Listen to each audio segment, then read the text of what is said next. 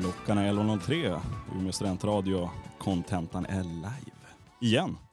Ja, tro det eller ej. Tror det eller ej. Det är ju säsongsavslutning nu också. Ja, precis. En veckas uppehåll. Det blev ingenting förra veckan. Nej. Nu, nu är vi tillbaka och för att säga hej, hej då nästan. Ja, exakt. Men det, det kändes som det var liksom år och dagar sen vi senast sände. Men det var det, alltså det, är, det är bara en veckas. Liksom. Ja, men det känns som att det har gått otroligt lång Ja. tid. Alltså ofattbart nästan. Ja. Jag, jag vet inte vad det är. Men jag tror det är bra vädret. Alltså varje dag har varit en liten eh, Mm. liksom story i sig själv. ja, exakt. för att låta jävligt stjärtig. Det låter jävligt Men skönt. det, det har gått eh, ja, en vecka. Mm. Mm.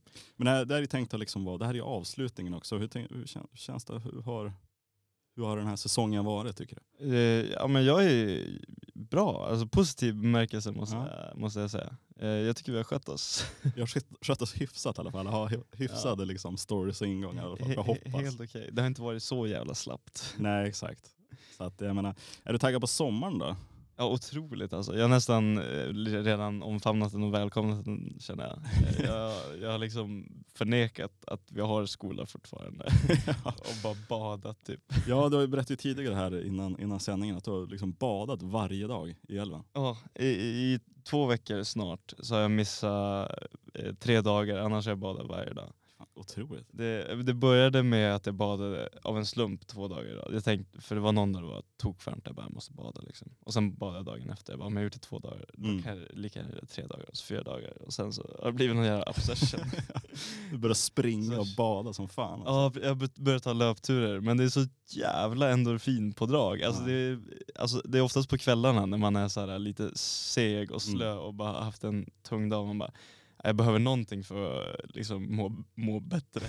och då är det bättre att käka typ en Marabou chokladkaka. Då är det bättre att gå ut och springa och ta ett dopp. Tyvärr, tyvärr är det ju så faktiskt. Ja, Man hade ju önskat att det var tvärtom. ja, ja, ja. Lite så. Eh, men det är också typ eh, eh, lättare. Eller jag vet inte, jag kommer in i ett mindset där det är mer som att jag behöver det än att jag, Mm. det känns som någonting jag tvingas göra. Men det är väl så alltid med träning att liksom, det tar ju ett tag innan man kommer in i det men sen när man väl får in den här rutinen då, då är det liksom ett måste på något sätt. Ja, också. verkligen. Sjukt beroendeframkallande. Men det är inte bra för mina knän kan jag meddela. Alltså, jag kan knappt böja på mig. Så jävla gubbstel. Gubbknän så det var smällande. Så inåt helvete. Jag tror det är hopparknän jag har. Eller jag hade det för ett år sedan. Då, ja, det är, någon, det är något jävla ligament som ska vara typ, jag kommer ihåg han mätte, jag hade, körde så ultraljud på dem för ett år sedan. Mm. Hos Lars, Eh, helt otroligt. Och de, de där ligamenten ska vara typ 3 mm och Ja. mina var 5 eller 6 mm på, på båda knäna så de var på tok för stora och det gjorde så inåt helvete ont.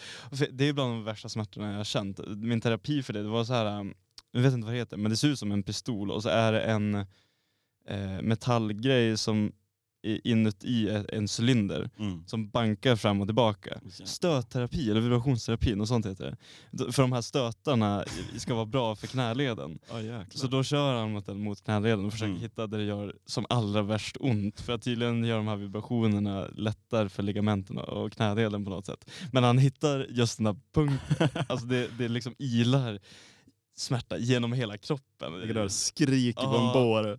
Nej, man satt där och försökte hålla inne. Ja, för jag, jag liksom, när jag är ensam med en annan man i 50-årsåldern som har liksom smört in mitt knä för att kunna ta sitt ultraljud, det vill inte ligga där och bara ah, ah, alltså, då, då håller jag fan käften. liksom. Du, ihärdig. Men alltså konstigt, Umeå är väl typ bra på det här med så här sportmedicin och grejer. Jag vet att det finns någon liksom, klinik här nära campus som är liksom, Ja. världsledande inom så här knäskador och grejer. Just det har jag ingen koll på, men alltså han är otrolig. Han är en gammal styrkelyftare, så det var Mm. min eh, släggtränare Hans Kjellén, Ah, eh, shoutout, som var så här, eh, typ lite bro med honom. Ja. Och fick, men han, han är den bästa killen jag varit på. Vad sa du att han hette? Eh, Han- Hans Helén heter min Ja, tränare. exakt. jag, Lars, eh, jag vet inte om fysio, fysioterapeuten heter Lars, Ja. som var svinbra. Jag vet inte vad han heter efternamn. Jag har hört, hört någon, någon, någon polare som gått till någon liksom massör eller vad man ska säga Ja. som också heter det. typ Lasse Knådaren brukar han kallas. Är det, det är inte han som är mirakelmannen? Ja, det vet jag inte. Men det han, finns också någon det var en riktig liksom så här, riktig jävla kraftig gubbe som Mm. riktigt så här, så trycker ut den. Ja det, det är det bästa. Ja, men alltså, man, man gillar ju så här styrkelyftare som... eh, Ja men för detta styrkelyftare ja, exakt. man Ja, tycker det, det, ja, exakt. Som har den här tunga auran, man ser att de har lyft mycket men nu är de mest så här, ganska trötta och försöker hjälpa folk. Är absolut skallig också. A- Allt, ja gud Alltid. vad Lars var skallig. alltså, eller inte för att vara taskig men han hade en, Men det är bara fakta. en bekväm aura. Och Ja. liksom så här, bekväm i sin skallighet. Ja. Det känns som typiskt för fysioterapeuter. Han har ju aldrig funderat på att åka till Turkiet för att liksom köra turkey, turkey hair. Nej, all, han skulle aldrig göra en hårtransplantation. Även om han blev erbjuden en gratis så hade han liksom demonstrativt sagt nej. Nej. Vi, vi festade faktiskt med en eh, jävligt glad eh, fysioterapeut på kvällen när Loreen vann Eurovision. Okej. Kom du ihåg Anton, alltså den stora killen som satt bredvid dig och var jättefull Ja, och ja, tog ja, en just det, just det, just det, Han är fysioterapeut faktiskt för Umeå Basket. Ja, just det. Shoutout till Anton Andersson. Ja, big up, big up. Men eh, ska vi kanske, den här låten i alla fall som vi spelar. Vad tyckte du om den? Självklart. Eh, funky. Som, Som vanligt. ja. Men det är alltid så att man måste inleda programmet med någon slags funkighet. Ja precis, det, det har ju blivit ett signum. Men jag tycker uppfriskande med flöjt Mm. Är väl det jag känner främst när jag hör den. Mm. Eh, Det vinns ju ofta man hör flöjt. Nej, exakt. För det här kommer från ett album i alla fall, som heter Pacific. Okej. Vilka, var artisten? Artisten är Shiguri Suzuki. Heter han Suzuki? Ja exakt. Och det är liksom alb... äh, Grejen är att jag kan inte säga låten för att det är på japanska. Ja, det, ja, det är svårt. Så att tyvärr, jag kan inte säga vad den heter. Ni får bara Så- liksom leta er fram. Det är, Men al albumet i alla fall. kan du bokstavera den? Nej absolut inte. Det är på, liksom, det kan ju för. Jaha, och du, du pratar inte kan jag alltså? Nej jag, tyvärr, jag har ingen så här anime liksom, heller. weeaboo-aura som har åkt till Japan och liksom börjat studera. Nej, jag, jag, jag tycker det här är så här liksom ett perfekt sommaralbum i alla fall. Det är riktigt så här, äh, perfekt Mm. att dra på, är man på stranden eller vad som ja helst. exakt. Ja, men man vill ju ha på sommaren någonting eh, när man inte behöver tänka så mycket. Nej exakt. Det bara känns bra. Mm. Eh, vilket är auran av all musik i den här eh, podden, är väl tanken i alla fall. Ja. Men i alla fall albumet i sig kom 78 så att det är liksom lite... Åh ja. jäklar, jag, tror det, jag, tycker det lät, jag tyckte det lät ganska 10-tal faktiskt. Mm. Jag hade gissat att det var inte äldre än 10 år gammalt när Ja, jag tror det? faktiskt. okej, Ja, det men det tydligen inte. Rolig grej på Suzuki, min, min farfar var på hotell i typ Gran Canaria Mm. eh, något år och övertygade hotellägaren om att han eh, var CEO av Suzuki och fick på grund av det massa gratis grejer. Är det sant? Ja, de fick så här uppdaterat till sviten och hur många fördelar som helst. För han hade en Suzuki-keps på Ah, sig. jäklar. Eh, och så hade hotellägaren bara sagt oh nice cap liksom, för Ja. han var väl ett eh, Suzuki-fan. Ja. Och då hade farfar bara oh yes I am the CEO liksom, of eh, Suzuki. Om det var i Europa, för Ja, exakt, han exakt. såg uppenbarligen inte alltså, så här, men- Japansk. Ja, han är liksom en militär från Överkalix, han har inte den eh, kontinentala auran. nej, nej, nej, nej, nej. Men han är jävlig, jävel på att snacka. Alltså, men, alltså vilken jävla hustler alltså. Ja, otroligt. Men alltså han är den enda mannen. Han, han kunde komma från eh, så här, Elgiganten någon gång. Mm. Och så har han köpt, eh, han älskar att köpa grejer, Mm. jävla obsession. Eh, och så har han köpt en hörlur eller vad fan det är. Och sen så han fick 500 kronor rabatt. Man bara, hur fan fick du det? Den var inte på rean. Eller- Men då har han bara prutat på Elgiganten liksom. Man bara, Äh, Går det ens? Nej det ska inte Nej. gå. Men han eh, på något jävla sätt, genom att vara framförallt jävligt jobbig och sen prata skiten ur Mm. alla anställda så får han som han vill. Man har ju sett mycket videos på folk som eh, tar på sig varselväst och, liksom, Ja, och kanske tar med sig en stege så kommer de in överallt. Ja men precis, som folk eh, på, eh, går på bio gratis typ. Ja, de ska fixa en lampa Ja, och sen när de väl är inne så byter de om bara. Eller kom, in. kom in på en festival, liksom. Ja, jag ska bara in och liksom fixa det här och här. Så länge man har lite Klassiker, ja. självförtroende och liksom Men det gjorde jag faktiskt. act, act like you belong. Kanske inte, jo men det kan gå ut med på radio. Jag gjorde ju så på Jonathan Unge när han var här i höstas. Jaså? Då gick jag förbi till, jag gick, det var två köer och så var det ingen kö på ena sidan. Stod det bara en förvirrad gammal tant som var vakt. Mm. Liksom. Och Jag bara, "Ah, tjena jag, kommer, jag är journaliststudent, jag ska skriva en recension på Jonathan Okej. Unge. Hon bara, jaha kommer du in gratis då eller? Jag bara, ja för fan jag snackar med liksom, han, han som sköter det här innan. Och så visade jag mitt K-lägg och hon bara, Ja. ja kom in för fan. Shit, men det är det, alltså, så länge man har lite självförtroende så kan man Ja. fan göra mycket. Alltså. Exakt så. Det är, det är härligt. Eh, Men på, på tal om det här med sommar, sommarfeeling eh, Ja, och exakt. konsumera saker på sommaren. Alltså för mig har sommarunderhållning eh, varit eh, alltså mycket podd. Mm. Jag, jag tycker det är härligt. Om man vill ha någonting så här. Jag lyssnar mycket på komikerpoddar men eh, häromveckan så lyssnade jag på sommarprat och jag har inte varit så bra på att lyssna på sommarprat. inte jag heller faktiskt. Men det finns ändå ganska många ikoniska sommarprat som man borde lyssna på. Jag lyssnade på Markoolios bland annat. Mm. Eh, för jag googlade så här, ja, bästa Ja, sommarpraten exakt. bara för att se vad som är bra. Och eh, hans var hyllat. Skitbra, rekommenderas starkt. För det Mm. handlar om hans liksom, mörka uppväxt. Ja, verkligen. Marka och ja. äh, finsk morsa som alkoholist. Ja och, exakt, Hela och köret. blir, blir jätteutnyttjad och Ja. misshandlad och hans eh, liv. Men, men alltså totalt sett jävligt bra verkshöjd. Jag blev Mm. förvånad, för jag har inte konsumerat jättemycket Mar- Markoolio innan. Jag associerar honom med typ Bäst i test och Och hans musik, barnslig rap. Liksom. Ja Absolut, exakt, ja. men eh, det var så jävla tyngd i det. Det är roligt med den kontrasten Mm. mellan en, eh, alltså så här, Så oseriös person och så har så jävla mörk. exakt, alltså Berättelse. en underhållare som inte har eh, jättehög ribba kanske. Nej. Alltså så här, lättillgängligt. Mm. Och det är väl skitbra med sån underhållning. Men att man ändå kan komma med ett så otroligt tyngd och djup när man Mm. väl försöker. Det, det, är, det är någonting fint i det. Det är lite som eh, Doggy Doggelito från Latin Kings. Ja, ja, ja. Också har väl alltid varit lite mer så här, ja, lite pajig och, latchat som fan. och alltid Alltså, blivit liksom eh, skämtad. eh, Liksom, eller, folk har väl skämtat med för att han har gjort de här Elgiganten-reklamerna, du vet, cykel på köpet cykel och på grejer. köp. Men grejen var väl att liksom, hans fru dog ju och han var ju tvungen att liksom försörja familjen Ja. och liksom, därför gjorde han allt han kunde Alltså, bara för att liksom, få in pengar. Dogge. Jag lyssnade på hans avsnitt i Fördomspodden Mm. i veckan faktiskt. Ja, nej, han, Emil Persson hade en fördom om att han har ett barn han aldrig har träffat Ja. eh, som han måste ge pengar till varje månad. Det, det och det sant. sa han väl som ett skämt liksom. Ja. Jag tror inte han förvå- eller tänkte sig. Nej. För det hör man på hans röst när Dogge bara ja det stämmer och Emil blir såhär ah, Va? fuck vad fan har jag sagt nu? Gick jag över någon gräns liksom? Ja. Eh, och så var det så att han Ja. hade liksom så här, han var så här gamla synder. Eh, Så han har ett, eh, en dotter tror jag det var som han, eh, som han inte har någon kontakt med överhuvudtaget. Inte- Jo, jag tror jag läste också om det i, um, om det i liksom Expressen. Och någonting, Ja. att liksom, ja, men, hon får ta kontakt med mig om hon vill någonting. Så, Ja exakt. exakt. Små dåliga farsa kanske. Men, ja. Kan jag tänka mig. Men han har en så jävla härlig attityd till livet. Alltså när Mm. han säger, jag älskar, alltså, det var, nu kommer jag inte ihåg exakt vad han sa, men han har en så jävla, tar alltid med en sån jävla klackspark. Mm.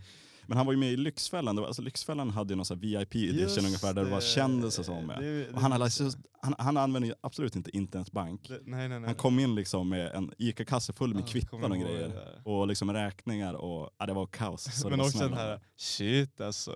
Shit alltså, jag hade ingen aning. Nej exakt. När man bor i stan då blir man med kortet typ tio gånger om dagen. Jag hade ingen koll alls. alltså. Nej, exakt. alltså, det, vad han än säger, även om det är liksom om fruktansvärda ämnen Ja. så blir det så jävla underhållande. Han är jävligt, alltså få människor som kan vara, genom bara vara sig själva, som Ja. liksom honom, få så högt underhållningsvärde utan att försöka. Ja verkligen. Det- Jävla sköning. Är Jävligt eh, kul med Dogge. Men eh, det här med sommarprat, har du lyssnat på något, eller har du något sommarprat som du ändå så här stuck, eh, stuck with you på något sätt? Jag har inte lyssnat på jättemånga sommarpratare. och Liksom, man lyssnar väl på de som man tycker är intressant. Det enda Mm. som man kommer ihåg är väl typ Fredrik Wikingsson gjorde Mm. sin sommarprat. Hos sin farmor va? Ja exakt, Ja. på ålderdomshemmet där. Det var väl Det- ganska gripande på Ja något jag sätt. tyckte det var svinbra. Och det bästa liksom, segment, eller så här, delen från den ehm, från, från just det avsnittet var när han pratade om han hade någon kompis när de växte upp och typ så här, spelade fotboll och grejer.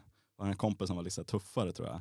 Ja. Och han liksom berättade att hans kompis sparkade över så här, fotbollen in på någon annans liksom, gräsmatta. Och då var det sådär, grannen då som hade fått in bollen på gräsmattan Ja. så där, bara, tog den och så sa någon så här skämtsamt, ja men eh, nu får du inte tillbaka bollen eller något sånt Ja, där. ja, det. Och då hade hans polare sagt, bara, men, ge mig tillbaka bollen innan jag sparkar en kuk på dig gubbjävel. Just det, just det, just det, just det. Det här kommer jag ihåg. Var- Det, kanske, det var typ den första anekdoten tror jag han drog i. Ja, det kanske var där det.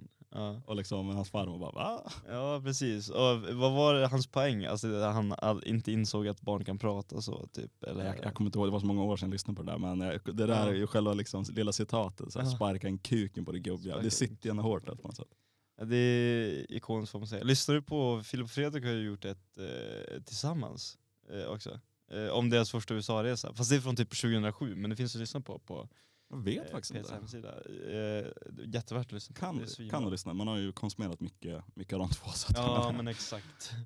Men det handlar om det- mest ikoniska, eller det jag kommer ihåg tydligast därifrån var ju att de de hade känt varandra i typ eh, någon vecka, de hade knappt träffat innan de gjorde en USA-resa Mm. med varandra och de hittade varandra direkt liksom. Och så pratade de om när de var i New York vilken artist de helst hade velat se i full blown New York eh, Mm. livsstil, sitta ensam på något fik och dricka en kaffe Ja, typ, och röka cigg och vara Ja. arg liksom.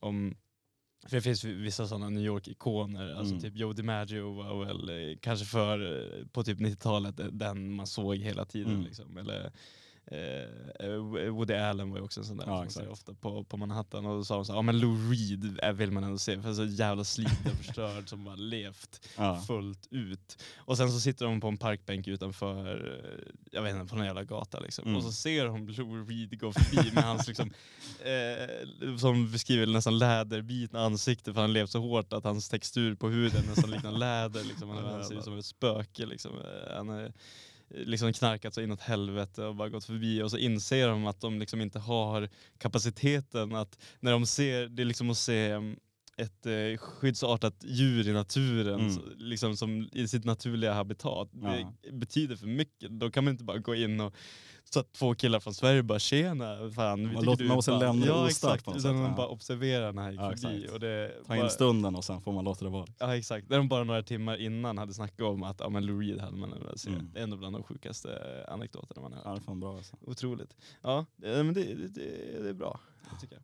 Du har sett på mycket film också. Mm, det, det har blivit så i den här tiden när jag som sagt lite förnekat att vi har skola. Mm. Eh, och sen har vi pratat eh, lite om att det är mycket så här all or nothing, alltså om jag gör någonting då gör jag väldigt mycket av det. Mm. Så eh, nu har det varit en period där jag liksom inte har varit inne i läsningen som jag varit i vinter för jag läst mycket. Mm. Och det har istället gått till film. Just det. För jag har inte heller pallat kolla på Sopranos. Alltså, det- är någonting med så här, damm, jag har någon dampighet i min personlighet. Så här, jag såg två säsonger och sen är jag så här, "Nej, jag klarar inte av att se mer. Det, jag har fått för mycket av det här. Jag kommer Jag inte, övertänd på skiten. Exakt, jag kommer inte röra det på typ eh, Mm. något år tror jag. Men då såg man ändå några avsnitt per dag när man var inne i Ja, exakt, exakt. Ja. Men då har jag gått över till film. Mm. Eh, jag har sett, jag räknade på det här, jag har kollat på 12 filmer på sju dagar vilket blir ett snitt eh, på 1,7 film per dag. Stabilt alltså, måste jag säga. Mycket film. Mycket jävla film alltså. Ja, och då var det, det var någon dag tror jag jag såg så, fyra filmer. alltså och sen går man och lägger sig och bara, vad i helvete har jag gjort med den här Vad har dagen? jag Liksom. jag har inte gjort ett skit. För då, de kortaste filmerna är ju 90 minuter liksom. Ja, ja, jo, absolut. Eh, och sen eh, de längre har varit två och en halv timme. Men jag tänker att jag, eh, för jag vill prata lite om de här filmerna Mm. uppenbarligen för att jag tycker de är bra. Men jag, jag vill nämna några av dem och se vi- vilka du har sett av Mm. dem inte. Jag är- Jag är dålig på att se film så att Ja, men ja, jag inte skämma ut allt för mycket. förväntningar. Har du sett, jag såg Call Me By Your Name börjar med, har du sett den? Den Den är ganska ny. Den tipsade om förra gången. Ja det kanske du gjorde. det gjorde jag. Gjorde jag har fått en tipsad av en, en polare som har tatuerat in den här, vad är den, aprikos, eller eh, alltså Ah, frukten han har sex med. Ja, konstig grej att tatuera men ja, absolut. Ja, men, eh, hon kände väl att den eh, filmen, eh, det är Betyder typ den filmen hon har sett mest. Liksom. Hon såg den med sin farmor berättade hon också. Jäklar. För hon tänkte bara, ah, men det är så fin film. Ja, hon tänkte inte så mycket på Nej. scenerna som är med Nej, i filmen. nej. Och sen satt de där och hon bara, ja ah, just det. med. Och Just då hade hennes farmor då efter hon kollade på den, bara, ah, men den var, den var bra. Den var bra. Inte så mycket mer så. Eh, för de som inte har sett den så är det väl en eh, kärleksskildring eh, mellan en ung pojke och en äldre man i norra jävligt pittoreska Italien på Ja. 80-talet. Ja, den är så jäkla fin. Alltså snyggt filmad. Alltså den är så, Ja. det, och musiken och allt det där. Men eh, alltså den är helt perfekt på alla plan. Mm. Alltså det, det är den filmen försöker göra. Allt den filmen försöker göra lyckas den med. Mm. Och det är få filmer man känner så efter man har sett den. Mm. Alltså ofta kanske, ja, bara, satan vilken bra story, men det var inte så visuellt tilltalande. Eller Mm. tvärtom, skitbra musik, asbra ljus, men fan vad platt den var liksom. Mm. Men den filmen, alltså dynamiken mellan eh, Army Hammer och eh, vad heter han, Timothy Chalamet. Chalamet, exakt. Eh, Helt jävla otrolig faktiskt. Ja, men den är grym. Eh, Det är sällan jag har sett så fin kärleksskildring utan att vara, även om det, den är explicit, Mm. så handlar ju deras dynamik inte om det rent fysiska utan det är sättet de interagerar med varandra Mm. och dialogen. Mm. Så jävla. Och samtidigt som det är filmat helt otroligt Mm. sexigt och man älskar Italien. Alltså, Mm. nej, jag, jag blir glad bara jag tänker på det. Jag måste nog se om det. Jag såg den när den kom ut där 18-19 eller vad det var. Ja, Uh, jag, jag tror jag tror 17-18 tror jag. Ja, 17, 18, ja, Ja, exakt. Men jag tror jag såg den då i alla fall. Men Mm. jag tycker den var jävligt bra då i alla fall. Så jag måste nog se om den faktiskt. Ja, strong recommend i alla fall. Ja. Eh, men jag tänker, det är många filmer jag har sett, vi behöver inte prata om alla. men exakt, jag du kan ta det liksom jag dina topp, går igenom eh, löpande. ja. Ja. de jag tyckte om mest Ja, exakt. Ja men det kan vi göra. Eh, One flew over the cuckoo's nest Ja, är också en favoritfilm. Ja, den är- Helt jävla Såg den, jag kommer ihåg vi hade någon så här på högstadiet hade vi man kunde ju liksom välja någonting man ville göra typ en gång per vecka. Ja. Så här frival ungefär. Och då fanns det någon så här filmgrej. Och då såg vi på massa gamla filmer. Och Fan, då vad såg vi bland annat på den där och den är ju otrolig. Den är helt jävla otrolig. Jack Nicholson är, eh, han, kommer, han har suttit i fängelse, Mm. övertygat eh, hans vårdare om att han är psykiskt sjuk och kommer in på, eh, vad säger man? Eh, eh, Ja, mentalsjukhus typ. Ja, exakt. Riktigt så här gammalt old school mentalsjukhus. Hur, den filmen är ganska gammal, nu minns jag inte. Jag tror 70-80-tal tror jag. Eh, Ja, något sånt. Ja. Exakt. För det är liksom gamla skolans psykhem i USA. Ja exakt. Liksom. Liksom jag som växte upp på Umedalen och gick på Västengård. Svårt att relatera. Nej jag är lätt att relatera eftersom det är ett gammalt stort jävla Ah, mentalsjukhus. Ja, ja. Där de lobotomerade mest människor i hela världen typ. På riktigt? Ja jag tror det. Shit vad mörkt. ja, och då såg man den filmen på ett gammalt mentalsjukhus. Så Ja. det var lite samklang. Ja gud vad mörkt, eh, mörkt slut på den. ja fy fan. Får man lov att säga. Men jag vill inte spoila för mycket. Nej men, men den är Den är grym. men den är absolut. otroligt fin. Ja. Det, det den visar på något sätt är att eh, alltså så här, man behöver inte så jävla mycket förutom en gemenskap för Mm. att leva ett eh, lyckligt liv. Ja men lite så faktiskt. Eh, strong recommend. Mm. Jack Nicholson skådespelar otroligt i alla verkligen. filmer han gör. Men det är nog bland de bättre roller han har gjort. Mm. 100%. Eh, vi går vidare på listan. Eh, festen av eh, danska regissören som heter, vad heter han, typ Winterberg i efternamn. Jag kommer inte ihåg, Thomas Winterberg. Thomas. Winterberg. Mm. Ja. Inte Har- sett har faktiskt. Det var han som gjorde den, Mads Mikkelsen är med, är han med i den? Det vet jag inte. Men han, eh, han gjorde den här eh, En runda till som Ja, kom ut för mm. några år sedan. Ja, men det är ju Det Mikkelsen. är med Mads Ja. Mikkelsen, exakt. Som handlar om att få en idé om att människan är född med 0,5 promille för lite i blodet. Så Mm. För att fungera som bäst ska man ha 0,5 promille. Skitsamma. Festen är en släkt-reunion i, i Danmark. Det är farsan fyller 60 år. Och Mm. så eh, under middagen eh, samlas hela släkten. De dricker som fan. Dels för att de är danskar och man märker att det är lite alkoholister i släkten. Ja. Så här, det är inte en en eh, jättesund familj men man fattar att de har jävligt mycket pengar och att Mm. alla vill ha en bit av kakan. Liksom. Och sen eh, håller eh, yngsta sonen, tror jag det blir, han håller första talet Mm. eh, och berättar om att hans farsa våldtog honom när han var liten. Och sen handlar hela filmen om hur hela släkten först är så här. Vad fan säger du? Det här håller inte, det är din pappas födelsedag, för Mm. helvete håll käften. Han, du måste vara psykiskt sjuk som håller på och sånt här. Mm. Eh, och först blir han så här, ah, fuck jag kanske har gjort bort mig, jag kanske måste åka hem, jag klarar inte av det här. Mm. Men han ihärdar, han har eh, liksom kockarna på sin sida och i, under kvällens gång så får han med alla till hans sida. Det är, Ja, en, jäklar. det är en så jävla intressant idé för att man låser egentligen in hela familjen i huset och bara försöker se hur de långsamt processar Mm. och inser vad fan det är som har hänt och som händer och hela, vilken fruktansvärd Mm. människa den här äh, farsan är som fyll- fyller 60. Men det är också intressant med liksom en film som utspelar sig på liksom en, eh, en och samma plats. Ja men hela precis, tiden. det är bara en kväll liksom. En kväll, Ja, och nu, liksom det här är, det finns en avsmalning på något sätt. Man har ja men exakt, en begränsning. en, det, begränsningar och det Mm. kan ju göra filmen jävligt bra om man sätter begränsningar på det. Mm, precis. Um, många, jag vill ändå ta med Jägarringen med, Mikael Persbrandt. Mm. Eh, när han spelar kommunist, Mm. alkoholiserad kommunist och får vårdnaden, ensam vårdnad om sin dotter under hennes uppväxt. Mm. Eh, eller hon väljer det. Mm. Eh, och då lever hon ensam från att hon är vad kan vara, 7-8 tills hon är tonåring. Liksom. Mm. Innan det blir för, han blir för dålig, Mm. jag dricker för mycket. Liksom. Länge sedan jag grät så mycket inför en film. Mm. Alltså, otro, har du sett den? Nej men jag har hört talas om det, det är väl, eh, vem är det som har gjort det? Det är väl någon slags, inte någon slags biografi nästan? Eller? Oj, det vet jag inte. Det vågar jag inte Det, säga. det känns som det, att det är någons... Det skulle det kunna vara. Jag vet inte ens vem det var som regisserade den. Eh, I alla fall, det är liksom... Eh, det, Persbrandt Om det är Åsa otrolig. Ja, det är det för fan. Det är hennes liksom Eh, story. Det är det ju för fan. Ja, Men alltså det är sånt jävla fint porträtt av en arbetare som bara försöker vara en bra människa. Mm. Och allting går åt helvete för honom. Mm. Han förlorar allt. Alltså, jag blir nästan känslan bara jag pratar om det. Alltså.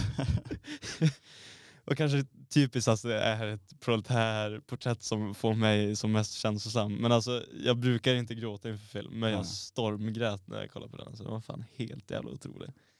Eh, jag tänker jag tar en sista från min långa lista. Ja. Eh, och sen så får vi knyta ihop den här säcken lite, för nu har vi ändå pratat ett tag. Men eh, Old- Oldboy, från 2004, en koreansk film. ja, jag känner igen namnet i alla fall. Ja, Sjukt nog. ja trevligt. Den, jag hittade den, eh, för den är på IMDBs topp 100-lista på typ Mm. plats 87 eller någonting. Men det är kanske därför man har liksom granskat Ja, igenom eh, För den har man topplistan. ändå scrollat igenom många gånger, Ja, den listan. Så det är väl där, därför jag kände igen den. Mm. Eh, och jag har sett den många gånger och jag bara, "Ja, men fan koreanerna är ändå, eller ja, sydkoreaner är Ja. jävligt bra på film. Oklart Eh. om nordkoreanerna är det. Men Ja, Vem dålig vet? koll på Vem deras vet? utbud faktiskt. kanske det får man göra i sommar, liksom utforska det nordkoreanska utbudet på Ja, filmer. precis. Nej, men så jag, jag tog och såg den, eh, jag ska inte spoila för mycket, men premissen är att han, O'Day Sun heter huvudpersonen, Mm. eh, han, eh, ja, men han har fru, barn, lever ett lyckligt liv, normal arbetare liksom. Mm. Eh, och sen så blir han tillfångatagen utan anledning. Han blir kidnappad, tillfångatagen och Mm. infängslad i 15 år. I ett litet rum, han får inte se solen, han kommer inte ut i rummet under 15 år. Och I början av filmen får man bara se den tiden, hur han eh, liksom också typ förgiftas, eller kommer ut en gas bara en gång om dagen i det här rummet så han Mm. somnar och blir typ manipulerad i huvudet. Han blir helt fucked i huvudet liksom. Mm. Eh, och sen till slut så lyckas han fly Mm. men på ett ganska enkelt sätt. Och sen kommer han ut i samhället och vet inte vem han är och framförallt vem det är som har fängslat honom. Mm. Så hans mål med hela livet som han förlorat, fem, förlorat 15 år och även så har då, han blivit, eh, eh, vad heter det, alltså hans fru har blivit mördad och han har blivit, eh, vad heter det, när någon tar ens identitet och får det se ut som att den här personen har begått ett mord eller ett brott. Ja, jag vet inte exakt, men jag fattar vad du menar i alla fall. Ja exakt. Eh, sen är han anklagad för han har liksom ingenting kvar i livet Mm. och hans enda mål är att hämnas på den här personen. Det låter som en jävligt intressant film faktiskt. Den är, den är galet Vart, intressant. var, ser man den? Eller? Eh, var fan såg jag den? Jag tror jag, nej SVT Play tror jag såg den på shit. faktiskt. Och har den inne just nu. Fina SVT Play. Återkommande också. Eller hur?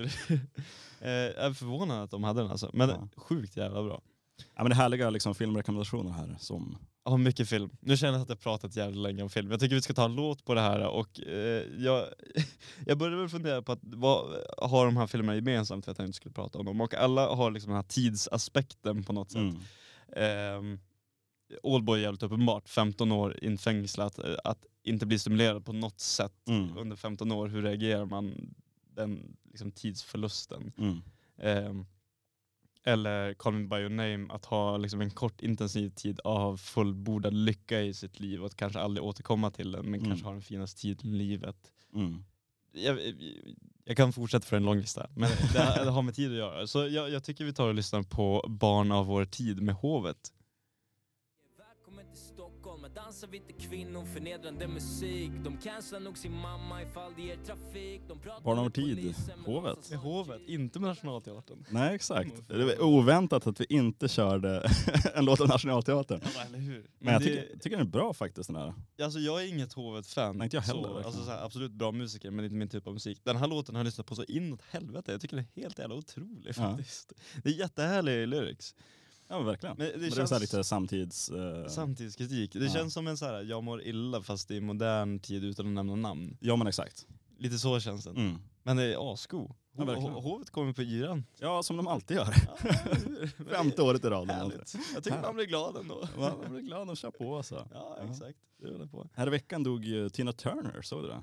Ja, det, det såg jag faktiskt. Ja. Jag läste det. Tråkigt. Många som dör. Har du, ha- hade du någon koppling? Jag hade absolut noll koppling med Tina Turner men hon var ju ändå en liksom ikon på Alltså, sätt. man har väl hört hennes musik så, men eh, inget Tina Turner-fan Mm. så. Det, var inte så att jag stannade upp en stund och var så här, inte Tina. Inte Tina. liksom. Men är det någon liksom kändisdöd som har liksom ändå påverkat det på något sätt? Eh, Pugg tyckte jag var mörkt Mm. faktiskt. För han har jag lyssnat så jävla mycket på, Mm. eller i alla fall Små lätta mål har jag Mm. lyssnat så inåt helvete mycket på.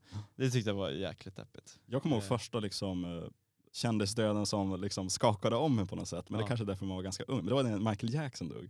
Oh, just det. Jag var lite för ung då tror Ja, jag. jag tror det också. Riktigt, det var men jag- 2009 va? Ja, ja något- sånt där i alla fall. Mm. Ja, men det var så här, shit, alltså, det var så här första stora kändisdöden. Men det var ju också lite på grund av sättet han dog på. Ja Alltså, exakt, det kan vara det också. när, en, när någon som är 80 dör, Mm. då är det så här, det är klart det är fruktansvärt, men det är inte så att man bara menar att en 80-åring har gått bort. Mm. Det händer ändå ganska ofta. Mm. Men Michael Jackson var ändå relativt ung och dog på toalett liksom. Ja exakt, och var liksom kanske en av de största vi haft genom tiderna också. Ja. Det är lite Elvis, liksom, Ja. samma sak med Elvis. På något sätt. En annan död som också, det var Anthony Bourdain om du vet.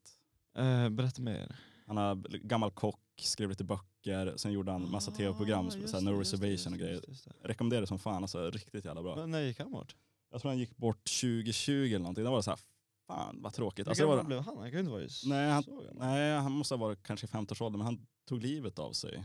Ja, Eh, det är mörkt. under en, det var under en inspelning i Frankrike tror jag de gjorde. Ja, Och hittade honom dagen efter hade han tagit livet av sig. ah, fy fan. Mm. Shit, det hade jag ingen koll på alls. Men också liksom för många, det, han, gjorde, han gjorde ju mycket reseprogram när han reste runt och käkade mat och liksom Mm, träffade mm, folk och grejer. Levde liksom ett så perfekt liv men liksom, ja, Mm. folk kan må dåligt ändå även fast han lever kanske det perfekta livet. Ja, självklart. Det är kanske nästan de som utåt sett verkar leva det perfekta livet som mår Allra sämst. vä- värst inuti.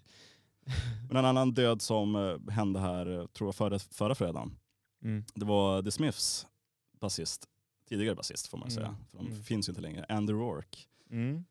Och. The Smiths för mig är ju en av mina favoritband. Du liksom. har ju verkligen ett starkt band. Det känns som att du ofta när man hamnar på barer, känns det som att du och Thomas kan ha diskussioner om The Smiths hur länge som helst. Ja men det blir lite så. Och eh, liksom, han var väl ganska ung också. Han var 59 så att det var Mm. hyfsat ung men hade väl, eh, tror jag, bukspott, spott, vad heter det, bukspott, B- Bukspott... Körtelscancer. Körtel- Bukspott...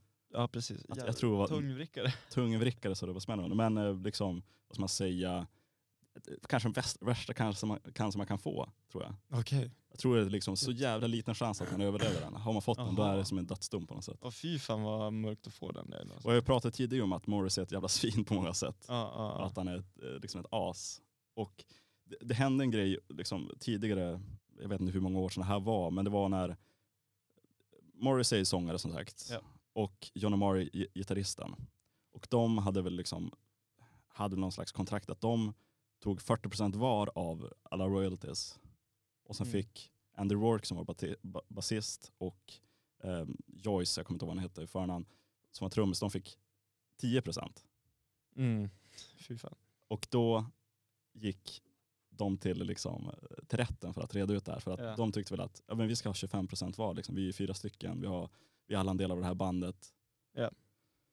10% också jävligt lite. Jävligt Alltså, lite. så. Även fast om man tänker efter så är väl liksom, om man tänker på The Smiths så är ju Morrissey och um, är ju Morrissey och Johnny Marr, de är väl liksom de personerna som är The Smiths på något sätt. Mm. Men fortfarande, Andy Rourke var en så otrolig jävla basist som Ja. absolut ska ha lika mycket var också. Men också så här som ett gäng som har hängt ihop och gjort musik med varandra. Mm. Jag har svårt att se framför mig att Alltså att ha den attityden att kunna säga någonting Mm. rakt i ansiktet. Bara, du är värd så här många procent Exakt. mindre än vad jag är värd. Jag, jag hade aldrig pallat gå igenom det. Nej exakt. För de hade väl liksom tidigare liksom kommit överens om att just att det skulle vara så här. Mm. Och sen senare några år och Andy Rourke hade väl ett litet heroinmissbruk också Mm. som han var tvungen att supporta på något sätt. Och det är väl Mm, därför han försökte få in lite pengar där också. Ja, Det slutade hela att det, royalty-sättningen sattes, var som vanligt med någon så här cell, att han fick en summa med pengar. Ja, höra i alla fall. det. Men ja, heroinmissbruk brukar ju ofta skapa proble- problem. Kostar mycket pengar också med Ja. heroinmissbruk. Jävligt eh, ja, svårt. Men också så, såklart hade väl inte de, Morrissey och Andy Rourke hade väl absolut ingen liksom slags vänskap efter det såklart. Nej.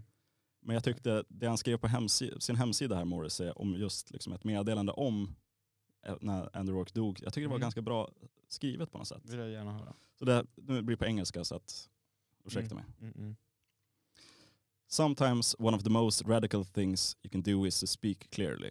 When someone dies, out come the usual blandishment, as if the deaths is there to be used. I'm not prepared to do this with Andy. I just hope, wherever Andy has gone, that he is okay. He will not never die as long as his music is heard. He didn't ever know his own power, and nothing that he, he played had, had been played by someone else. His, thing, his distinction was so terrific and unconventional, and he proved it could be done. He was also very, very funny and very happy. And post Smiths, he kept a steady identity, never any manufacture moves. I suppose at the end of it all, we hope to feel that we're valued. Andy need, need not worry about that. Fint. Ja, men det är så här, kanske han liksom, ja, han kommer ut och säger att liksom, ja, när någon dör, som vanligt så ska alla liksom komma ut och säga, åh gud, Mm. vad hemskt det här, det här var min bästa vän och liksom ut kommer alla alla bilder. Man kanske har träffat personen en gång men ska Exakt. liksom sörja Klassiskt. över att liksom, Min, min gode vän. min gode Åh. vän. Men här var det så här, ja jag, jag kommer inte göra det men jag kommer bara säga att han var, han var grym och liksom, Ja. vi kanske inte hade någon relation överhuvudtaget på senare år men han, han gjorde det, han gjorde det verkligen bäst. Men jävligt uppfriskande med någon som kan vara, vara så rak. i- Ja, så, rak och tydlig. Såklart det är fruktansvärt men kommer inte Mm. skönmåla det liksom. Mm. Det känns som man ser hela tiden i så här kändisars inlägg när folk går bort. Och Ja, folk så. Ah. Jag pratade med honom senast i, i förra veckan. Lägger ut en bild så. Jag såg någon, när Tina Turner dog, det var det någon som la upp en bild. Och det var inte ens han själv på bilden, utan han hade tagit bilden. Det var, vad heter han, eh, med, eh, vad heter han som var liksom bossen för Melodifestivalen? Vad heter han? Eh, ja, ja, ja. ja. Eh, åh herregud. Mm. Fuck me. Vad fan heter han? Christer? Christer Björkman. Christer Björkman? jag kommer inte ihåg exakt vem som liksom la ut det här på Instagram, men det var så här. Ah, gud vad hemskt att Tina Turner dog, att det är en legend inom musiken. Här träffade jag Tina Turner och tog en bild med på hon och Christer Björkman. Och så här, ah, fan, det här är långsökt. Alltså, det här är, Men det är så jävla, kan inte lägga det ut här, det där. Kolla, jag träffade Tina en gång. En gång. De utbytte ju bara deras död till att liksom promota sig själv. Ja, det är så exakt. jävla vidrigt. men det är exakt, det är, det är väl det Morrissey skrev där. When someone dies, out come the usual blandishment. Ja, exakt. As if their death is to be used. Mm, Ja. mm, mm. De blir precis så. Ja. Jag tycker vi avslutar det här med att köra en låt med just The Smiths som har en jävligt bra basslinga. Ja, jättegärna. Så jag tycker vi kör The Night Has Opened My Eyes.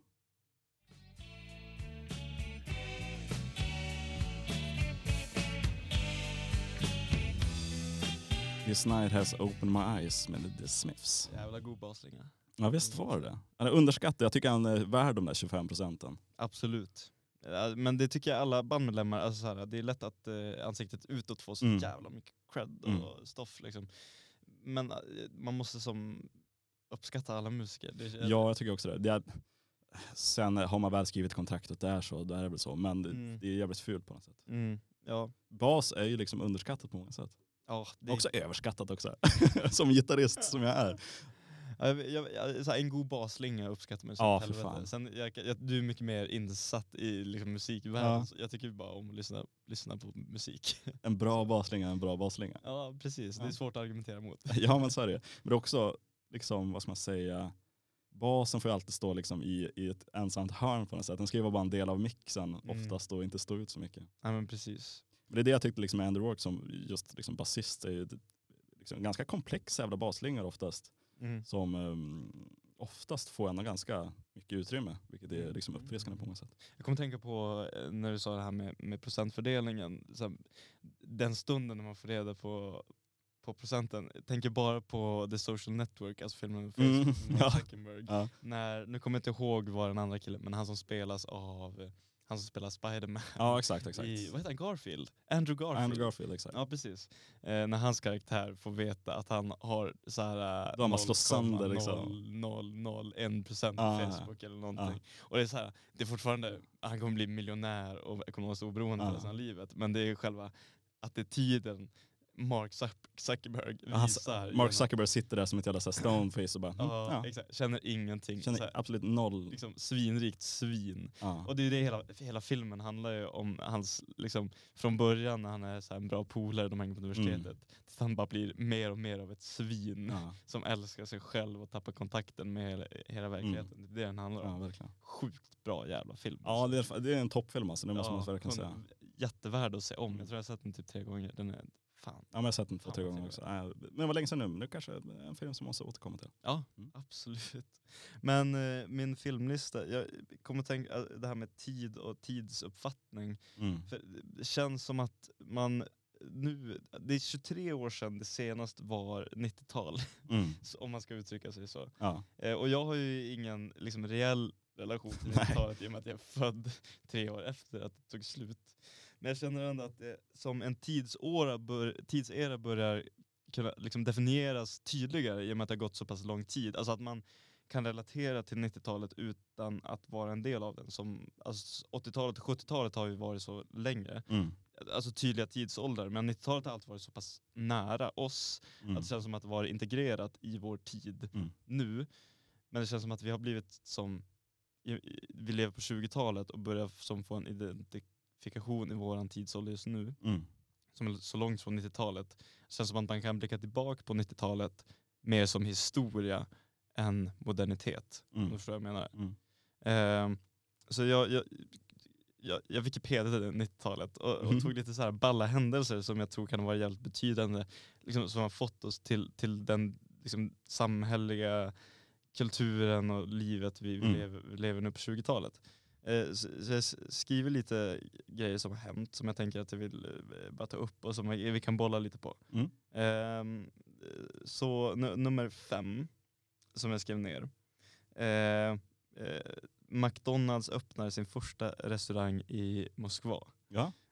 år 1990. Ja. Och det finns, eh, det finns eh, filmat Mm. på Youtube Ja, om man vill se. Och det är ju inte, alltså McDonalds öppnar en restaurang är inte så revolutionerande. Nej. Men de gör det i ett land som precis har gått ur Sovjet, Mm. kommunist, hårt styre.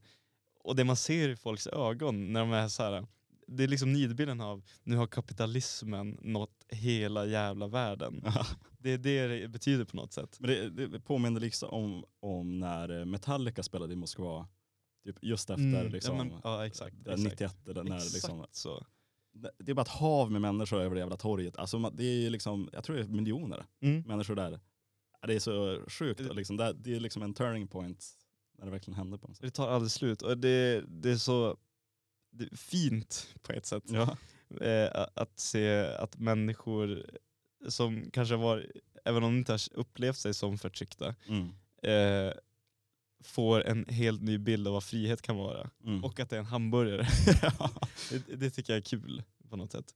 Om man kollar på vad som har hänt nu så känns det som att vi lever i liksom kon konglomeraternas tidsålder, att allting blir större och större och monopol Mm. monopoliseras på. Mm. McDonalds är väl bland de större företagen i världen. det Liksom. finns ju liksom överallt. Ja, precis. Och att det är någonting att de...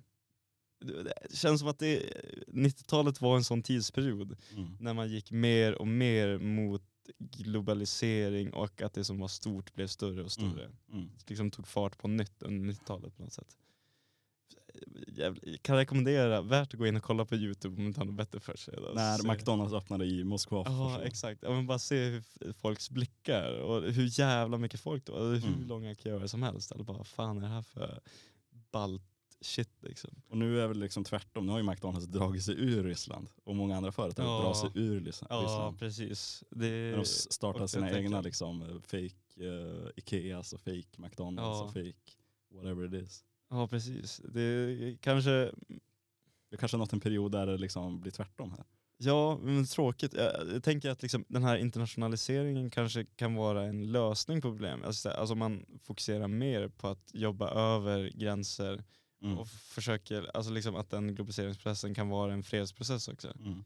Att det kanske är en bättre väg att gå än att liksom bara strama av allt. Mm. Jag vet inte. Nej, jag vet Svårt inte att heller. säga. Det blir inte Det- djupt vatten att gå ut på det Ja, jag. jävligt. Men jag tänker att det var ju i alla fall tanken på 90-talet på något sätt. Ja, exakt. Att eh, genom medmänsklighet försöka eh, Eller liksom att, korsa gränser Mm. för att nå medmänsklighet. Men det kanske inte fungerar alltid. Nej, det kanske inte gör det. Nej. Det är jag tror jag, en balansgång alltid och liksom måste alltid hitta rätt balans på något sätt. Mm, precis. Vi går vidare på listan. Mm. Nästa eh, är inte, det är inte en specifik händelse, men jag har tagit upp alla konflikter som var. Men huvudsakligen alltså Jugoslavien och Mm. för detta med, med krig koncentrationslägren som de hade.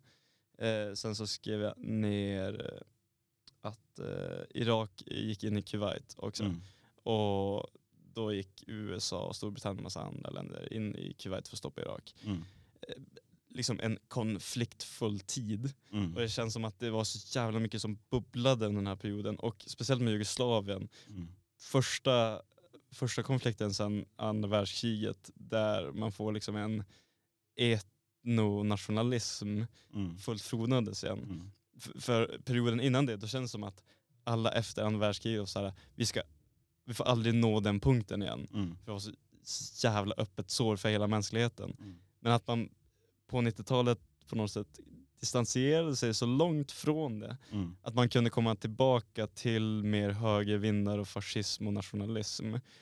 Och det känns som att, alla förstår att ett folkmord är fruktansvärt fel, men om man kollar på det liksom, politiska läget i världen vi har nu Mm. så känns det som att från 90-talet så har det liksom börjat rulla och hända mer grejer, Mm. om man säger så, åt det hållet. Mm.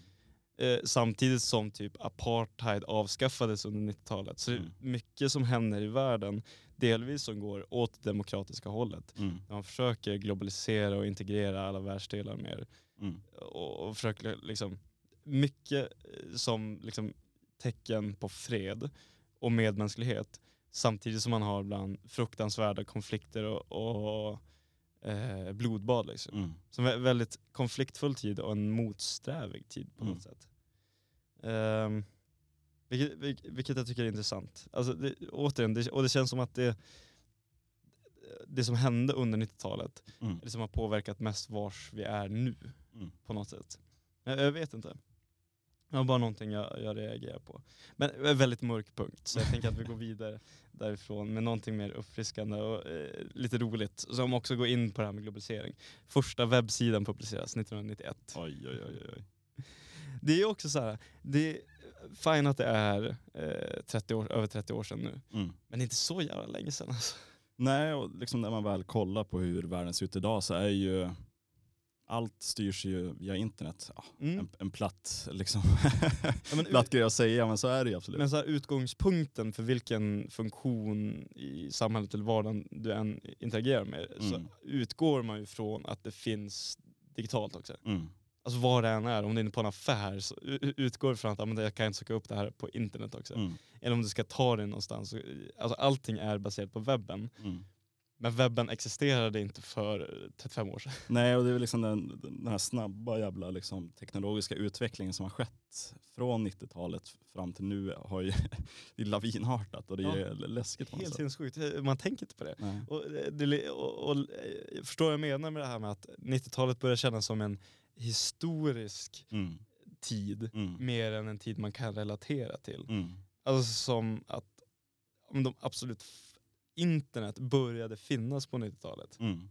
Det känns ju helt absurt att tänka på. Mm. Alltså när vi kommer prata med våra barn och förklara att liksom när, när, du, när du föddes var det knappt att vi hade internet. Nej, så. Alltså så här, det var liksom inte en etablerad sak. Det är sjukt att tänka på tycker jag. Det kommer ju bli intressant också, för nu pratar vi om, som du säger, om 90-talet som en historisk liksom, period istället Mm. för en period man relaterar till. Mm. Hur kommer man tänka på 20 om 20-talet? Vi Ja, säger precis, det är lite det som är 2040 intressant eller sånt där. fundera Vad, vad kommer vi se som liksom, de stora sakerna som händer just nu? Liksom, vad Ja. kommer vi kolla tillbaka på? Om man ska vara så basic då säger man AI direkt. Ja, det är ett så jävla tråkigt svar men Ja. det, det känns för stort för att det inte skulle Mm. vara, vara det. Liksom. Ja, men också liksom kanske en, en stor förändring inom politiken med Mm. liksom, Ja, men det här med återgången till populism och, och Exakt så vidare. så. Och det, det är det jag tänker, att det liksom på något sätt, alltså förutsättningarna Mm. för att vår tid ser ut som den gör nu Mm. lades på plats under 90-talet på något Mm. sätt. Men Så- så, är det väl alltid att det är liksom, Ja, man- exakt. man grundar väl alltid liksom ja, ja. Från, från tidigare. Det är så det fungerar. Grunden läggs ju Men roligt att tänka på ändå på något sätt. Och lite med samma sak med den här politiker, eh, politiken. En annan punkt på vår lista, ganska tråkig. Men Ny Demokrati bildas av Jan Wachtmeister och eh, Mm. Bert Karlsson 91. Jaha. Och så kom de in i riksdagen 94. Mm. Det, det är precis samma sak som vi pratar om nu egentligen. Att Mm. eh, man liksom la grunden för den här, liksom, att man slutar kalla det rasism Mm. utan man lägger en politisk värdering och att man börjar prata om så här in, integrationsfrågan, invandringsfrågan och det, liksom Mm. att det, är mer, det blir okej att ha en politisk ställning Mm. som är så mycket extremare än vad liksom, den politiska spelplanen har varit tidigare. Mm. Och det är väl också för att man liksom distanserar sig från det som hände under världskriget. Mm. För att om en sån grej hade liksom blomstrat under 50 eller 60-talet, Mm. Det hade, kunnat, hade aldrig kunnat hända i Sverige, liksom under Per Albin Hanssons folkhem. Nej. Att någon skulle komma och bara, ja men det här med integrationen liksom. Mm. Det hade inte fungerat. Nej, inte på samma sätt, absolut inte. Nej. Det är speciellt att tänka på. Även om det inte flög för Ny Demokrati så ser man ju på hur politiken ser ut just nu. Utan Mm. att, för är ingen politik på att det, det är inte det jag tycker är intressant. Nej. Men hur, man, hur det yttras i samhället nu. Om man kollar på kulturdebatten som har fått kanske lite väl mycket eh, eh, tid och plats i ja, men det här med, med drag queens Mm. som läser sagor eh, för, för barn. Mm. Att man är såhär, ja men ska staten, är är det rimligt att våra skattepengar går till det här? Mm. Att ha en diskussion om att staten inte ska liksom, kunna försörja ett kulturliv, Mm. det hade man nog inte haft för 20 år sedan. Och Mm. det som, alltså de här höger, Ny Demokrati gav liksom ett upps, möjligheterna för att det, Mm. det kan diskuteras idag. Nej men så tror jag absolut också. Nu känns det som att jag har långa monologer, så nu har jag en, jag har en ganska rolig punkt Mm. på sista. Ja. Och sen så ska vi fan nöja oss med det. Ja. Eh, men eh, eh, får ett Dolly. ja, shit. Länge som man hörde om Fåret Dolly faktiskt. Alldeles för länge sedan. Ja, vad hände? Vad... Ro, rolig grej. Ja, jag vet Ja, med inte. kloningar, visst, visst var det Det kloningsspåret? var första lyckade klonade livsformen, äh, liksom Ja. eh, djuret Ja, man säga. Så, eh, där man liksom tar ett får och så bara har ett exakt, lika till. Mm. Och även om det i sig kanske inte är en stor sak för att det är ett fucking får, Mm. så är det tanken på att okej, vi kan faktiskt ta en livsform och skapa en likadan. Mm. Den möjligheten och bara kunna manipulera med liksom, våra, att vetenskapen har nått den punkten. Men alltså, det, det, man har ju ingenting om kloning nu för tiden. Nej, nu Nej. är det, men det är ju gens, var- gensaxar är Ja, det som är nu, vilket Ja. är liksom samma spår men lite mer utvecklat. Ja. Men det känns som att diskussionen nu är istället, ja, men så här, nu kan vi välja vilken hårfärg våra bebisar ska ha, inte Mm. det är farligt. Mm. Men får ett Dolly är liksom the OG. OG liksom, genmanipulation. Ja exakt. Ja men det känns som att så här, biologi, den här diskussionen om att ja, men nu har vetenskapen gått för långt. Mm. Det var en grej redan på 1800-talet Ja. liksom. Men att eh, det, fick en ny image med får ett Dolly. Ja, exakt, verkligen liksom för, för kroppsliga liksom, just det Ja. på något sätt med ett, med ett får just. Ja. Ja, eh, jag tycker det är kul. Och sen att det heter Dolly, det är någonting med att göra det så personligt. Ja, exakt. alltså, så här, det känns... eh, All, alla visste om fåret Dolly liksom. Det är sällan i vetenskapen man har liksom någon eller någonting som får så stor claim to fame och blir liksom så vardagligt. Mm. Men det är ungefär som liksom hunden Laika också, det är väl lite samma Exakt. sak. Exakt, exakt. Det ve- att det blir vedertaget. Om man tar Vedertaget. så här CRISPR-Cas9 som var den här gensaxen Ja, som de hittade här i Umeå. Ja. Det är ingen, Svår, det är inte, I stugorna så pratar man inte om CRISPR-Cas9. Nej, exakt. Men fåret liksom Dolly går ju verkligen hem. döpa om CRISPR-Cas9 till Var Kristoffer eller. Helen eller vad fan som helst så får man lite liksom, eh, liksom relation till det. Ja men precis, det blir mer lättillgängligt. För om man säger så här, om en gensax, om man behöver förklara då är det Mm. folk ja ah, det är den grejen. Just det. Behöver mer cash, eh, vetenskapen måste komma, komma igång, eh, få en bättre PR. PR-strategi för att Exakt. liksom, ja. Måste, projektnamn ska, Ja. ska arbetas på. precis, alltså var, varje vetenskapsprojekt borde anlita en PR-byrå. Så att det blir lite mer, liksom, alldag, liksom vardagligt på något sätt. Ja. ja. Men det är, väl, det är väl bra om folk kan diskutera, alltså folk som lever sina liv kan liksom vara en inte vara en del av vetenskapen, men att låta vetenskapen vara en del av deras liv istället Mm. för att det bara ah, men det är någonting man håller på med men Mm. förstår ingenting. Mm. Då blir det som att man lå- låter det, överlåter allt det till experterna och sen Mm. får man ingen relation till det Mm. själv. Ja, men big up till Fåret Dolly. Att bygga efter får ett Dolly. Det, det var den sista punkten på den här jävla långa listan alltså. Vad, vad känner du att, finns det någon låt som passar där kanske? Ja, det här med, jag, jag tycker att, ehm, jag nämnde det till dig innan, de brukar prata om det långa 90-talet, Mm. som, som då börjar med murens fall 89 Mm. och slutar med 9-11 2001. Mm. Och den här bilden av ett Sovjet som förfaller Mm. och istället liksom frodas flera nya länder och blir ett del av omvärlden, Mm. omsluts av medmänskligheten, integration, integration och globaliseringen. Mm. Det finns en låt som förkroppsligar kanske just det här med Sovjetunionens, Sovjetunionens fall som heter Winds of Change som ändå är bland den bästa låten någonsin med Scorpions. Så jag tycker vi tar och lyssnar på den.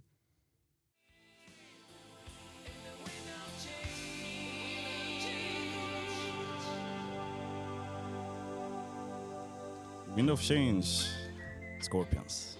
Alltså otrolig jävla låt. Om man får säga någonting så klyschigt. Men man blir fan glad alltså. Det är någonting. Eh, Scorpions från eh, Västtyskland. Från Västtyskland? Ja, så- jag, jag var tvungen att kolla upp det här, vart var vi ifrån? Jaha, det hade jag inte De, var koll från, på. Ty- de är från Tyskland. Jag trodde de var typ amerikan. Ja, amerikaner Det eller låter britter så- eller någonting. Det låter så jävla Ja. amerikanskt. Verkligen. Men får det ännu mer betydelse Ja, om man exakt. tänker på muren. Ja, exakt, exakt, exakt. Ja. Av, eh, jag ska se här, när var de aktiva? Mellan 65 till nu. Nej, på riktigt. Va? Fan vad sjukt. Men det, Eh, Alltså det, man har inte lyssnat jättemycket på Scorpions om man får vara helt ärlig. har det- de någonting mer som man har koll på? Ja, Eller är det ett one hit wonder band? Det känns Nej. för Scorpions låter ändå- Rocky Like a Hurricane. Ja exakt. såklart. exakt. Ja, Ja men de har ju nog många, Ja, många bangers faktiskt. Men jag visste Ja. inte att de hållit på så länge. Jag trodde det var liksom ett 80-talsband på något sätt. Ja, det kä- känns ju verkligen som det. Men eh, första albumet kom 72 i och för sig. Ja, Åh jäklar. Jäkla imponerande med Scorpions faktiskt. Ja, Det känns som en riktigt liksom, ett band som farsor lyssnar på. Ja, 100 procent. Foreigner och Scorpions och Whitesnake och grejer. Ja, Whitesnake, riktigt första band. Ja, riktigt där dad rock. eh, YMCA. Vad, vad heter de som gör YMCA? Village people. Village People. Tycker det är ett eh, pappigt. Det känns, jag tycker det känns pappigt. All right. På tal om. På tal om pappor och sådär, jag ska gå in på en, på en låt här tidigare som kanske lite med det att göra. Mhm. Men en av mina favoritartister här, som jag upptäckte förra året i alla fall, som jag lyssnade jäkligt mycket på är eh, Sam Fender. Har du lyssnat någonting på? Men jag har inte det. Nej. Berätta allt. Berätta allt.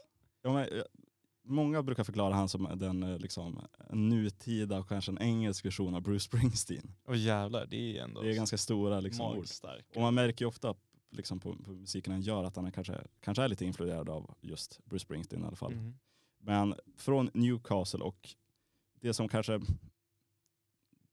vad ska man säga, binder ihop han med just Bruce Springsteen är att det är mycket sånger om kanske arbetarklasslivet och det Mm. hårda livet som liksom, och relationerna däremellan som, som kan vara när man lever i kanske ett mer fattigt område på något sätt. Och liksom relaterbart för en bredare publik. då, en bredare publik och Mm. mer arbetarklasspublik på något Mm. sätt. Mm. Bruce Springsteen från New Jersey har väl sjungit mycket. Han, kanske inte, han, känns ju lite så här fake arbetarklass på något sätt. också. Absolut, men han går ändå hem. Han går hem så det bara smäller om det. Och det känns verkligen som Sam Fender är lite samma sak Mm. för en ungare publik på något sätt. Fan vad ballt ändå. Det behövs eh, sådana tycker man. ändå, Ja, exakt. För, eh, för eh, den, det, det, det är folkets, Mm. arbetarnas talan på något sätt. Mm. Och Sam Fender i alla fall, han är eh, 29 i alla fall så att han är liksom, Mm. han är väl ändå ung får man väl säga. Ja. Men från Newcastle, Newcastle har väl alltid varit, det är liksom norra England och det är ju ganska, ah, det är gamla fabriker som har lagts ner och eh, sk- skit har hänt liksom. Ja, och det är ändå hyfsat fattigt på något sätt. Man tänker på gubben du pratar om. Ja exakt, ja, exakt. Fred Divna om eh, Ja, förfallet av Ja, industrin. ja. Men jag tycker på något sätt att Sam Fender och liksom, det är så mycket som händer just i Newcastle också på många sätt som, som piggar upp på något sätt. Och Sam Fender har blivit som en symbol för det på något sätt. Mm. Och även fotbollslaget Newcastle United har ju liksom fått nu tveksamma ägare. De har ju fått liksom saudiska liksom Ja, staten. de är en del av, eh, det känns som att det är ganska vanligt nu. Ja exakt. Och säga vad man vill om det, men som sagt det är, det är mycket som händer i Newcastle. Det finns mycket hopp på något sätt också. Mm. Eh, vilket är fint att se. Även fast visst, eh, fotbollslaget som nu går jävligt bra, de tog sig till Champions League. Vilket är jäkligt bra för de har ju legat liksom och guppat på nedflyttningsstrecket. De har varit nere och upp Mm. igen och det går det går åt helvete. Men de har alltid haft så här lojala supportrar på många sätt. Men kul att det kommer eh, mer sånt från Eng... Alltså, att det, för det känns som att den brittiska kulturen har en tydligare arbetarklasskultur. Mm. Alltså så här med punken eh, Mm. tidigare. Alltså de har Mm. mer av en historia Mm. kulturellt sett kopplat till arbetarklassen. Att Mm. det kan komma yngre förmågor i, i samma genre. Liksom. Mm. För det känns som att USA inte har det på samma sätt. Nej jag håller med faktiskt. De har, men i och för sig hela grejen med hela, alltså England och liksom Storbritannien överlag har ju alltid varit väldigt mycket klassbaserat på något Mm. sätt. Det har alltid funnits en tydlig överklass och en tydlig Ja eh, underklass på något sätt. Och det känns som att de har varit bra på att diskutera det också. Mm. Alltså att det alltid varit hetsig stämning Ja. mellan dem. Och att även om det inte har varit bra alla gånger har man i alla fall kunnat haft dialog om det hela tiden. Mm. Men också att eh, till skillnad från USA, USA är ju så ett ungt land på många sätt och vis och det har väl inte, de har inte samma traditioner. Nej Liksom, man ser ju så tydligt på liksom, vart folk bor och hur de ser Mm. ut och så vidare, vad, vad, vilken social klass de kommer ifrån på många Och det sätt. känns som att Storbritannien kommer, alltså de har ett kungahus de älskar. Att Mm. så här, det, Där har vi det tydligaste. även om de är ett modernt land Ja. så har de haft en så klassisk feodal struktur. Liksom, gigantisk kolonialmakt förr i tiden. Och om man har den bakgrunden, Mm. även om det inte är aktivt, så är det som att det, det lever kvar i kulturen på ett annat sätt. Mm. Än som USA som inte har den historien överhuvudtaget. Jag tycker vi ska lyssna på en låt med Sam Fender och sen kan vi snacka lite om den i alla fall. Jag vill Ja. jättegärna höra, det låter intressant där. Och kan väl liksom, låten här heter Spit of You och Vad, vad för någonting? Spit of You. Spit of you? Och låten handlar väl, ska man säga, om hans relation med hans farsa. Okej. Och att det är svårt att kommunicera mellan, mellan de två. Mm. Och att, Klassiskt ändå. ja exakt. Så jag tycker vi, lys- son-problem. tycker vi lyssnar på den och sen tar vi och lyssnar lite på texten och diskuterar lite efteråt.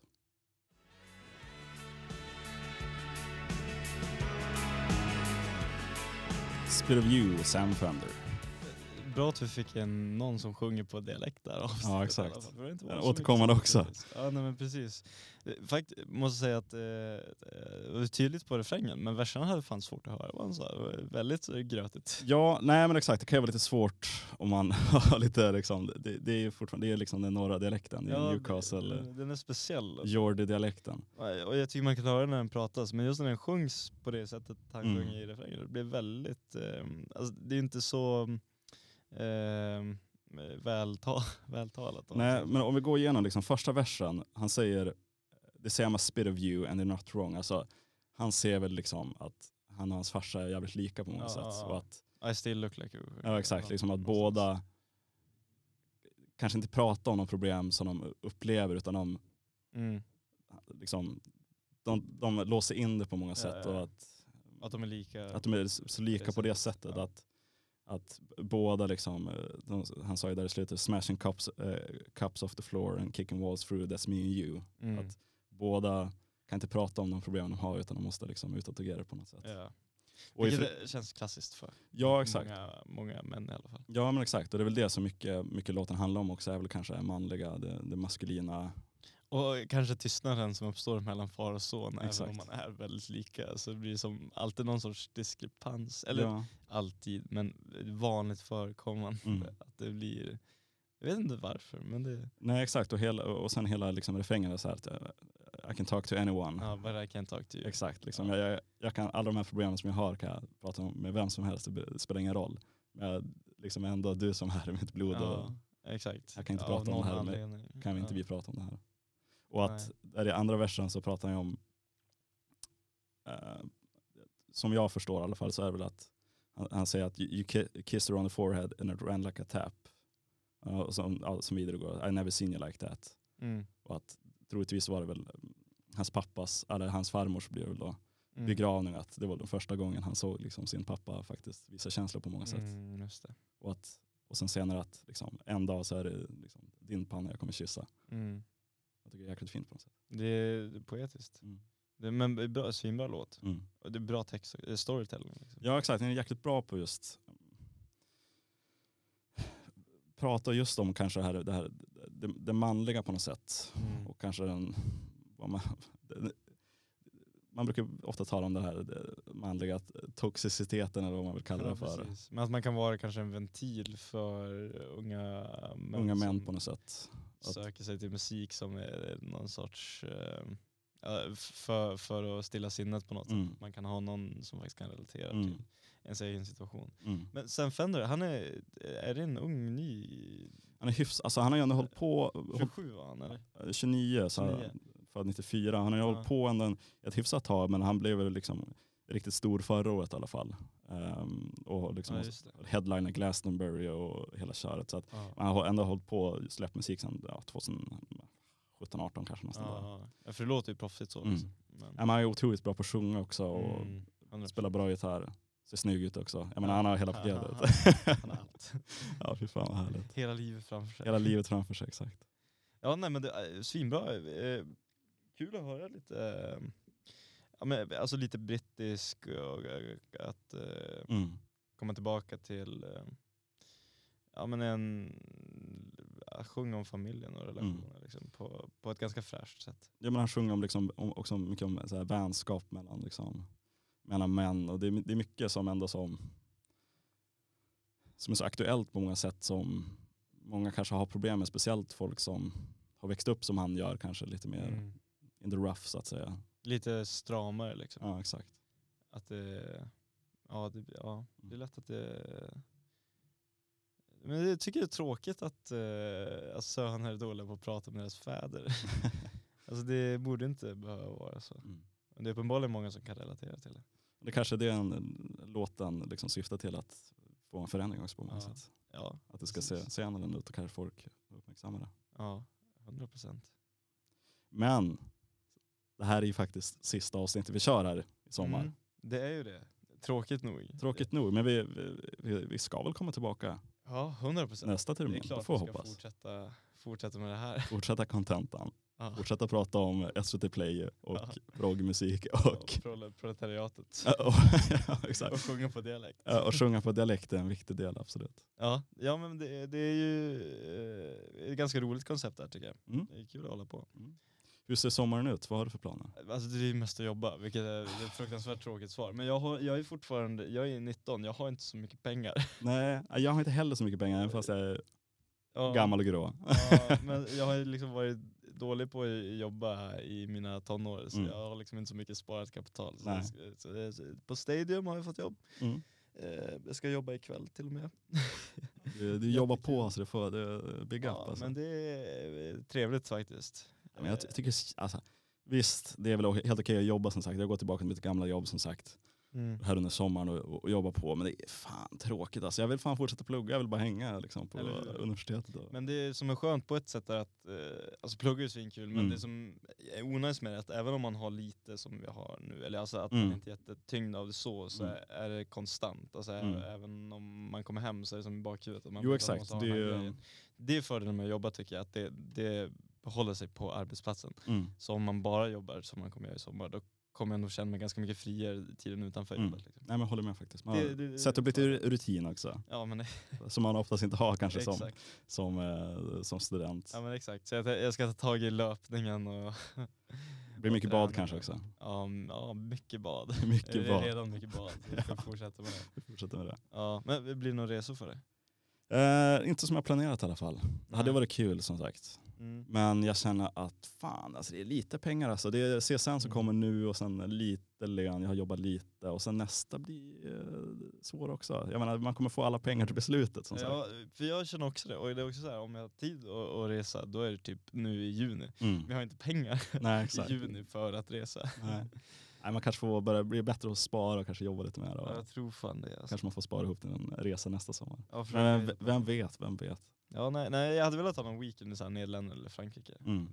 Det ska jag försöka få Du hade en liten eh, dröm där att åka till Provence och måla eller vad fan Ja, var. exakt. Eh, Ensamresa. Ensamresa till Ta med Provence. stafflit liksom. Ja. Det vill jag fortfarande göra. Och så så här, men problemet är att jag har tid att göra det men det är nu i juni och jag har Mm. inte pengar för att göra det i juni. Eller in, in, inte på ett rimligt sätt i alla fall. Ja, det är bedrövligt. Får åka till Bjurholm eller någonting och måla. Ja, måla. Ja, jag tror jag ska ta ut stafflit till, alltså bara Grisbacka där jag bor finns det ändå lite skog, skogsdungar. Mm.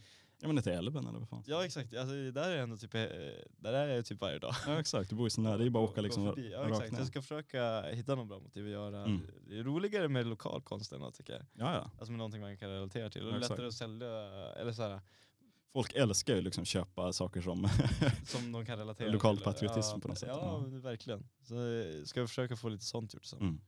Alla planen. Det är gött.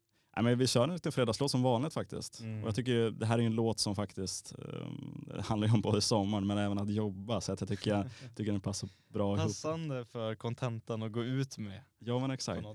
Men vi får liksom fan tacka alla som har lyssnat idag men även lyssnat tidigare som sagt. Ja. Finns några tidiga avsnitt ute på Spotify också. Vi har ju några hängivna lyssnare. Ja, några hängivna. Det är inte många men det är Nej. äh, små men De naggande är goda. välvilliga. Ja, Välvilliga så vi får tacka alla dem i alla fall. Ja, Hoppas det är mer som lyssnar. ja, Men som sagt, de finns, eh, finns ute på Spotify. Det här kommer väl också nästa vecka på Mm. Spotify får vi hoppas. det borde. Men vi kör i alla fall, eh, fredagslåten är idag Summertime Blues med Eddie Cochran.